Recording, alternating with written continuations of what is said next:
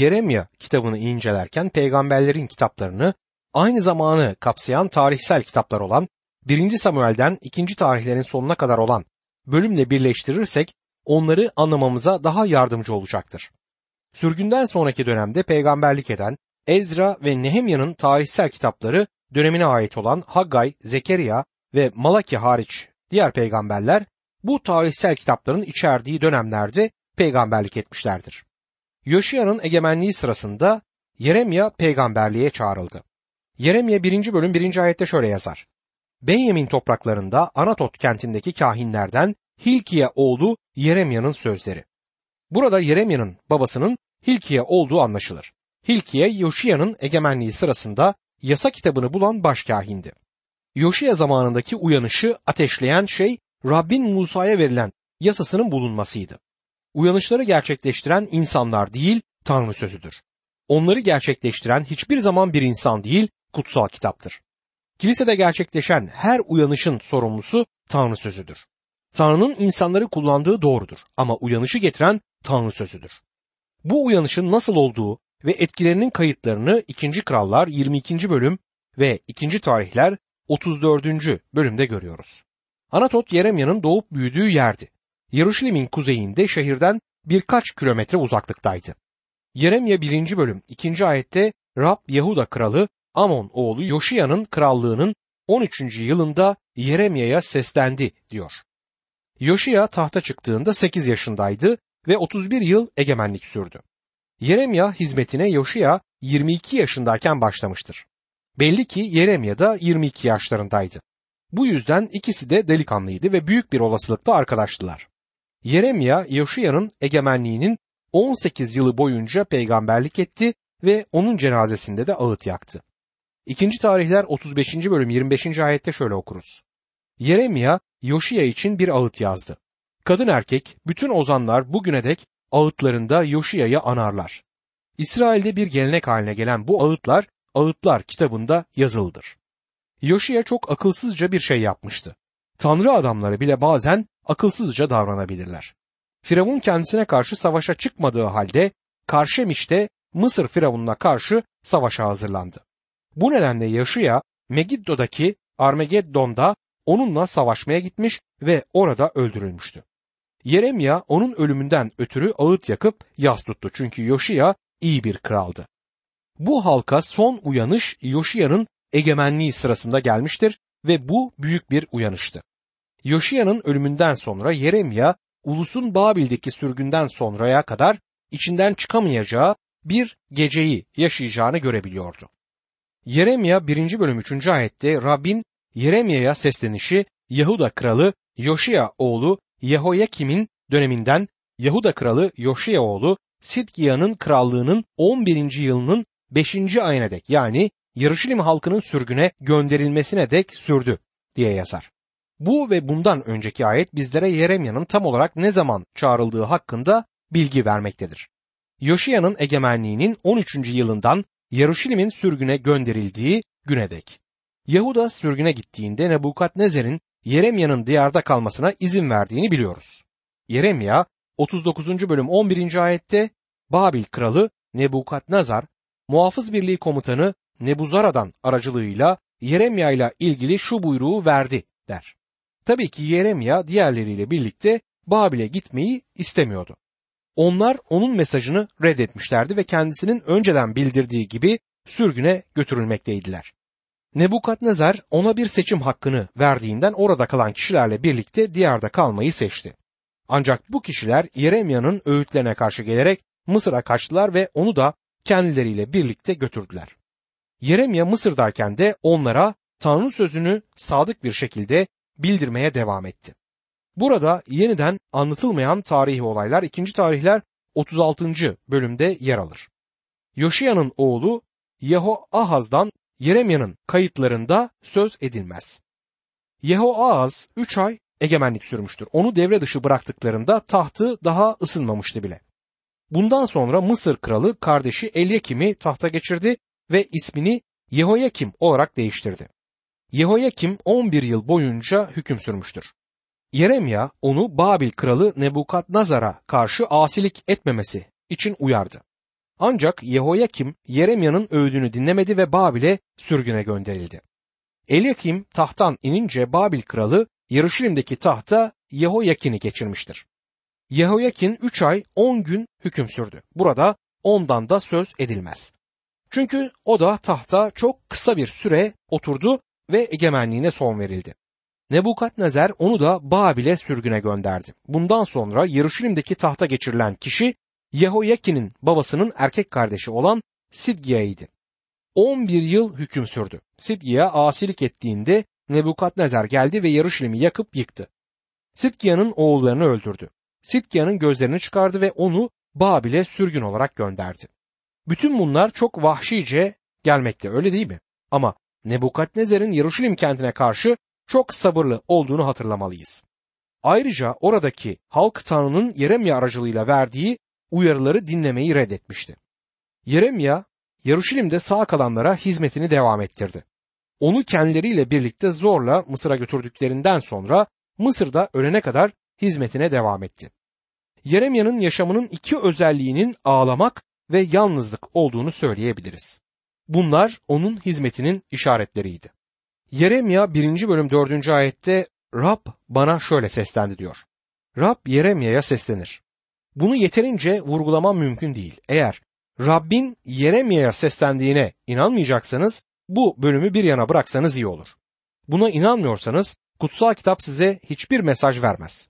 Bu Tanrı sözüdür. Tanrı'nın sözünü Yeremya'ya nasıl gönderdiğini söylemeyi teklif etmiyorum ama Tanrı sözünü ona iletti ve Tanrı sözü olarak bizler için kaydedildi bu sözler. Yeremya 1. bölüm 5. ayette Ana rahminde sana biçim vermeden önce tanıdım seni.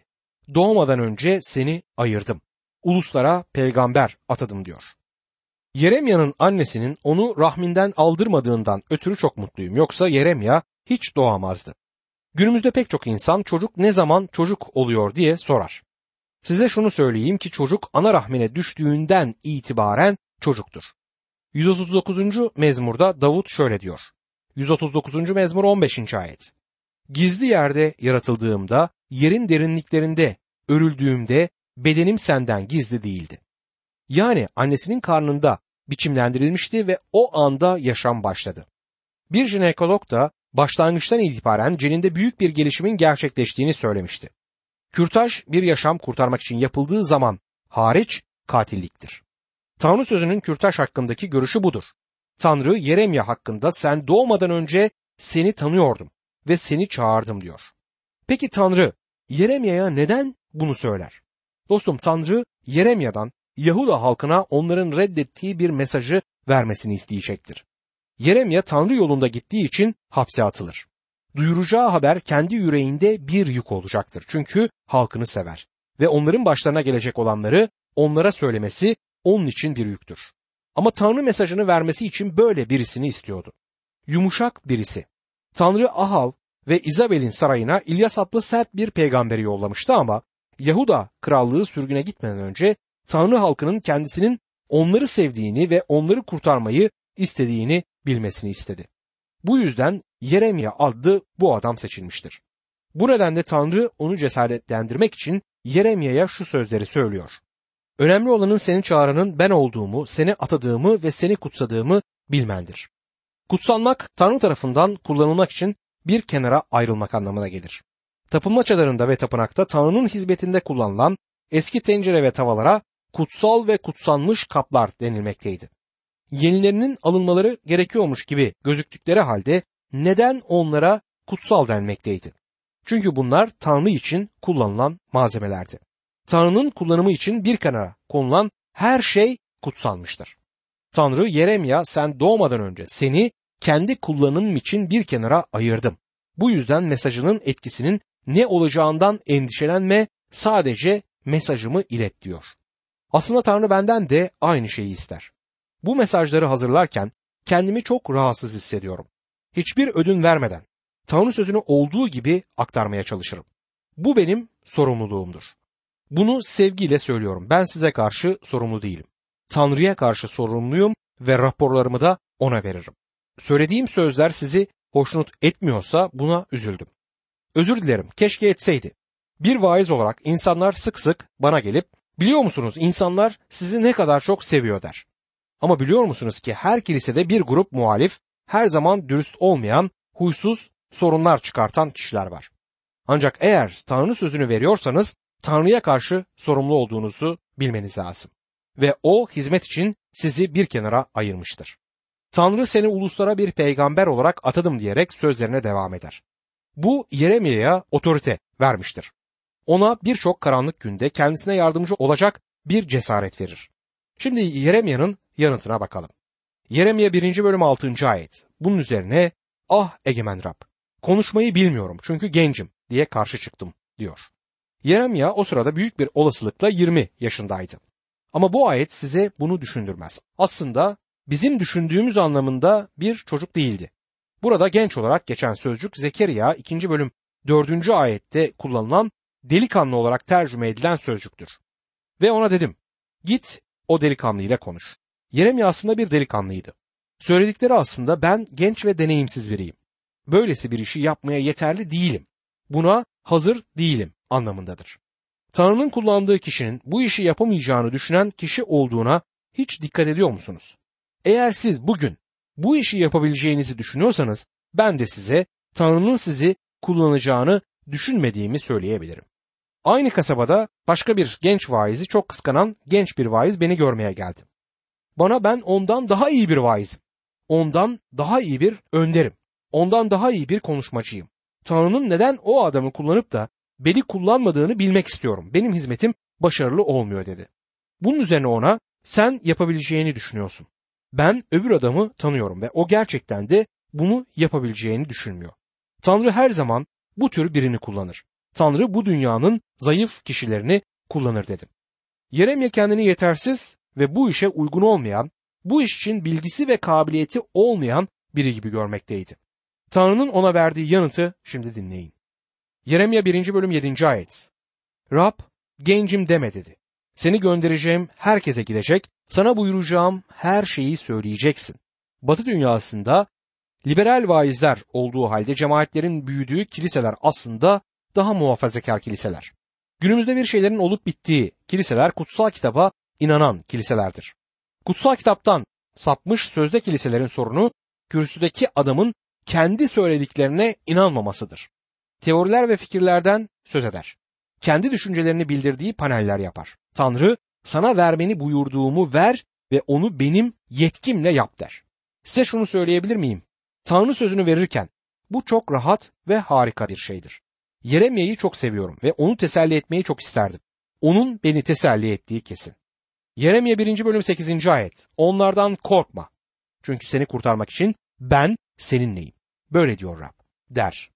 Onlardan korkma. Kutsal kitabı radyodan öğretmenin rahat yanlarından biri eğer hoşlanmadıkları bir şey söylersem beni kızdıramamalarıdır. Şimdi harika bir Mesih inanlısı olan bir adam bana yazdı. Kurtulmak için yapılması gereken bazı törenler ve uygulanması gereken gelenekler olduğuna inanan bir tarikat üyesi olduğunu söyledi. Kendisi bir mimardı. İşe gidip gelirken radyo yayınlarımızı dinledi. Beni çok kızdırdınız. Bana bir günahkar olduğumu söyleyip durmayın. Eğer size ulaşabilseydim burnunuza bir yumruk indirdim diye yazdı. Adam epey iri yarı bu yüzden de bunu yapabileceğini biliyorum. Radyodan yayın yapmanın rahat yanlarından biri de bu. Çünkü Tanrı sözüne sadık kaldığımdan insanların duymaktan hoşlanmadıkları şeyleri söyleyeceğim. İşin ilginç yanı adamın her sabah programı dinlemesi ve bir gün Rab İsa'nın önüne gelmesidir. Evet ben bir günahkarım. Beni kurtar dedi. Mesih kişisel kurtarıcısı olarak kabul etti. Tanrı'nın sözünü vermenin sevinci işte buradadır. Tanrı'nın sözünü cesaretle ve inanarak vermemizi söylemesinin nedeni de budur. Tanrı sözü hiçbir zaman boş dönmez. Tanrı'nın amacını gerçekleştirir. Günümüzde kiliselerin Tanrı'nın sözünde yazmış olduklarını otoriteyle bildirecek kişilere ihtiyacı var. Bizden istediği budur. Bir bakıma basit bir iştir ve diğer bakımdan da çok zordur. Tanrı Yeremya'ya korkma çünkü ben seni kurtarmak için seninle beraberim der. Bak ben senin tarafındayım diyor bir anlamda. Martin Luther yanında Tanrı olan kişi çoğunluktadır der. Bu her zaman doğru olan bir söz. Mesih inanlıları olarak bizler azınlıkta olduğumuzu düşünebiliriz. Ama aslında azınlıkta değil çoğunluktayız çünkü Tanrı yanımızdadır. Yeremye 1. bölüm 9. ayet. Sonra Rab elini uzatıp ağzıma dokundu. İşte sözlerimi ağzına koydum dedi. Sözlerimi ağzına koydum. Bu çok önemlidir. Tanrı kutsal kitaptaki sadece düşünce ve fikirleri değil, sözleri de esinlemiştir. Örneğin şeytan yalan söylemek için Tanrı tarafından esinlendirilmemişti ama kutsal kitaptaki şeytanın yalan söylediğinin kaydı esinlenmiş sözlerdir. Yani şeytanın yalan söylemesi Tanrı tarafından belirlenmiş ya da esinlendirilmiş değildir ama Tanrı kutsal sözünü kaleme alan peygamberleri esinlediğinde onlar şeytanın yalan söylediğini yazarlar. Bu bildiri ya da esin Tanrı tarafından peygamberlere açıklanmıştır. Günümüzde bu düşünce sık sık yanlış anlaşılıyor. Bu yüzden kutsal kitabı yorumlayan insanların yorumları hiçbir zaman esin değildir. Bunlar çok iyi yorumlar olabilir ama esin ya da vahiy değillerdir. Buna dikkat etmemiz gerekir. İyi bir kutsal kitap öğretmeni benim söylediklerimi de Rabbin sözüyle denek taşına vurmalısınız der. Benim söylediklerimi lup diye yutmayın. Çünkü ben de Tanrı'nın sözünü alıp onu açıklamaya çalışıyorum. Size bu çok yardımcı olabilir ama Rabbin sözü daima ilk sıradadır ve öyle de olmalıdır demelidir iyi bir kutsal kitap öğretmeni. Doğru tercümenin önemini belirtmek için bir örnek vereyim. Şarkıcı olmak isteyen bir kız vardı ve bir gün sahneye çıkma zamanı ona geldi. Şarkısını söyledikten sonra arkadaşlarının kendisini beklediği soyunma odasına gitti. Öğretmenim beni dinledikten sonra ne dedi diye heyecanla sordu. Çok diplomatik bir arkadaşı cennetsel bir şekilde şarkı söylediğini söyledi dedi. Kız gerçekten de öyle mi diye sordu. Gerçekten bu sözleri mi kullandı? Arkadaşı hayır. Tam olarak bu sözleri kullanmadı ama bunu demek istedi diye yanıtladı. Ama tam olarak hangi sözcükleri kullandığını bilmek istiyorum. Cennetsel bir şekilde şarkı söylediğimi söyledi mi diye ısrarla kız sordu. Arkadaşı evet onu demek istedi ama kullandığı sözlere gelince bu dünyadan olmayan bir gürültü çıkarttığını söylemişti dedi. Kutsal kitabın sözlerinin Tanrı tarafından esinlendirildiğini anlamak çok önemlidir. Sözlerimi senin ağzına koyacağım diyor. Yeremye 1. bölüm 10. ayette. Bak ulusların ve ülkelerin kökünden sökülmesi, yıkılıp yok olması, yerle bir edilmesi, kurulup dikilmesi için bugün sana yetki verdim diyor. Yeremya, Yoşia, Yehoakim, Yehoaz, Yehoakin ve Sitkiya'nın zamanında peygamberlik etti. Bütün bu kralların çeşitli büroları ve hükümet projeleri vardı. Hepsi de Yaruşilim'i daha iyi bir şehir haline getirmek için çalıştı. Ekolojiyle ilgilenecek ve şehri varoşlardan kurtaracaklardı. Hepsinin fakirlikle ilgili programları vardı ama hiçbiri Yeremya ile fazla ilgilenmedi. Onu görmezlikten geldi. Şimdi neredeyse 3000 yıl geçmiştir. Bugün o projelerden herhangi birinin ne olduğunu bana söyleyebilir misiniz? Sitkiye tarafından yapılan önemli bir şeyin ne olduğunu bana söyleyin. Yehoakin ya da Yehoakin'in yapmış olduğu herhangi bir projeden bana bahsedin. Hiçbir iyi şeyden bahsedilemez. Buna karşın o zaman da herkes doğru olanı, popüler olanı yaptığını düşünüyordu bu insanların. Yeremya görmezlikten gelindi ama bugün kimi okuyoruz? Bugün konuştuğumuz Yeremya'dır. Yeremya'nın kitabı Tanrı'nın sözüdür. Bugüne kadar gelmiştir ve bizim zamanımızda da ayakta kalacaktır. Bugün Tanrı'yı işitmek istemeyen insanlar, onu dinlemek istemeyen insanlar var. Onun sevgi ve doğruluk ilkesinde yürümüyorlar. Ama Tanrı konuşuyor ve sözü ayakta kalacaktır. Tanrı Yeremya'ya onu Yahuda ulusuna kendi sözünü vermekle görevlendirdiğini söyler. Ve zavallı Yeremya daha işi almadan emekliye ayrılmak için çaba sarf eder. Tanrı şimdi Yeremya'ya peygamberlik konumunun çağrısı hakkında harika bir resim verecektir. Yeremya 1. bölüm 11. ayette Rab, Yeremya ne görüyorsun diye seslendi. Bir badem dalı görüyorum diye yanıtladım diyor. Badem ağacı uyandıran ya da gözleyen olarak bilinirdi. Gerçekten de kışın uzun gecelerinden sonra ilkbaharda çiçek açan ilk ağaçtır badem ağacı. Badem ağacı gibi Yeremya'da çalar saat bir uyandırıcı olacaktı. İnsanları uyandırmaya çalışacaktı ama onlar uyanmayı istemeyeceklerdi. Uyuyan kimse uyandırılmaktan hoşlanmaz. Çalar saat dünyanın en sevilmeyen nesnelerinden birisidir. Üniversite yıllarında ben benim çalar saatimi birçok sabah duvara attım. Yeremya Yahuda ulusu için bir uyandırıcı olacaktı. Yeremya 1. bölüm 12. ayette Rab doğru gördün dedi. Çünkü sözümü yerine getirmek için gözlemekteyim. İbranice badem ve gözlemekteyim sözcükleri birbirini çok çağrıştırır. Tanrı evet öyle. Onlara kendilerini uyandıracak sözleri vereceğim. onları uykularından sarsarak uyandıracağım diyor. Yeremye 1. bölüm 13. ayette Rab yine ne görüyorsun diye seslendi. Kuzeyden bu yöne bakan kaynayan bir kazan görüyorum diye yanıtladım diyor. Kaynayan kazan neydi? Yeremya'nın zamanında Mısır ve Asur güneydeki Yahuda krallığı için artık bir tehlike oluşturmuyordu. Ama kuzeyde yer alan hilal şeklindeki bereketli alanda Babil adında yükselmekte olan bir güç vardı ve bu güç sonunda Yahuda'yı yok edecekti. Ulusların başına gelecekler hakkında halkı sürekli olarak uyandırmak Yeremya'nın işiydi. Yeremye 1. bölüm 14 ve 15. ayetlerde Rab şöyle dedi. Ülkede yaşayanların tümü üzerine kuzeyden felaket salı verilecek. Çünkü kuzey krallıklarının bütün halklarını çağırıyorum diyor Rab. Kralları gelip Yarışilim surlarında bütün Yahuda kentlerinin karşısında Yarışilim'in kapı girişlerinde tahtlarını kuracaklar. Yüz yıl önce Tanrı Yarışilim'i kurtarmıştı ve şimdi bütün sahte peygamberler Tanrı'nın bunu yine yapacağını söylüyorlardı. Tanrı'nın geçmişteki bütün peygamberleri Yaşayan'ın zamanında yaşayan bütün peygamberler Hoşea, Yoel, Amos, Mika ve Nahum ölmüştü. Sanıyorum Tesefenya ve Habakuk hala yaşıyordu. Hezekiel'le Ovedya ve Yeremya'nın zamanında yaşayan peygamberler ise sürgünde Babil'e varana dek peygamberlik etmeyeceklerdi. Daniel de daha sonra peygamber olacaktı ama bu sırada Yeremya tek başına ayakta durmaktaydı ve ulusun üzerine gelecek bu yargıları bildirmesi gerekiyordu. Yeremya'nın bu bildirisine tepki acaba nasıl olacaktı? Yeremya 1. bölüm 19. ayette sana savaş açacak ama seni yenemeyecekler. Çünkü seni kurtarmak için ben seninleyim. Böyle diyor Rab. Rab devam et Yeremya. Sana karşı koyacaklar, mesajı dinlemeyecekler ama sen mesajı vermeye devam et der. Yeremya kendini peygamberlik konumu için yetersiz ve değersiz görmekteydi ve bunu bir mazeret olarak sunuyordu. Ama Tanrı senin ağzına kendi sözlerimi koyacağım ve sen benim sözlerimi veriyor olacaksın der.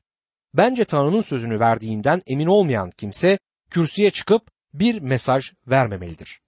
Eğer herhangi bir şüphesi varsa ya da kendi düşüncelerini sunması, liberal, sosyal bir müjde vaaz etmesi gerektiğini düşünüyorsa kürsüden uzak durması gerekir. Vaaz vermek bir sanattır. Yorum bilimi ve teolojiyi ne kadar çok bilirse bilsin ve ne kadar sofistike bir eğitim almış olursa olsun Tanrı sözünü verdiğinden emin olana dek kürsüden uzak durmak gerekir. Bu çok önemlidir. Yeremya Tanrı'nın gerçek sözlerini verdiğinden emin olabilirdi.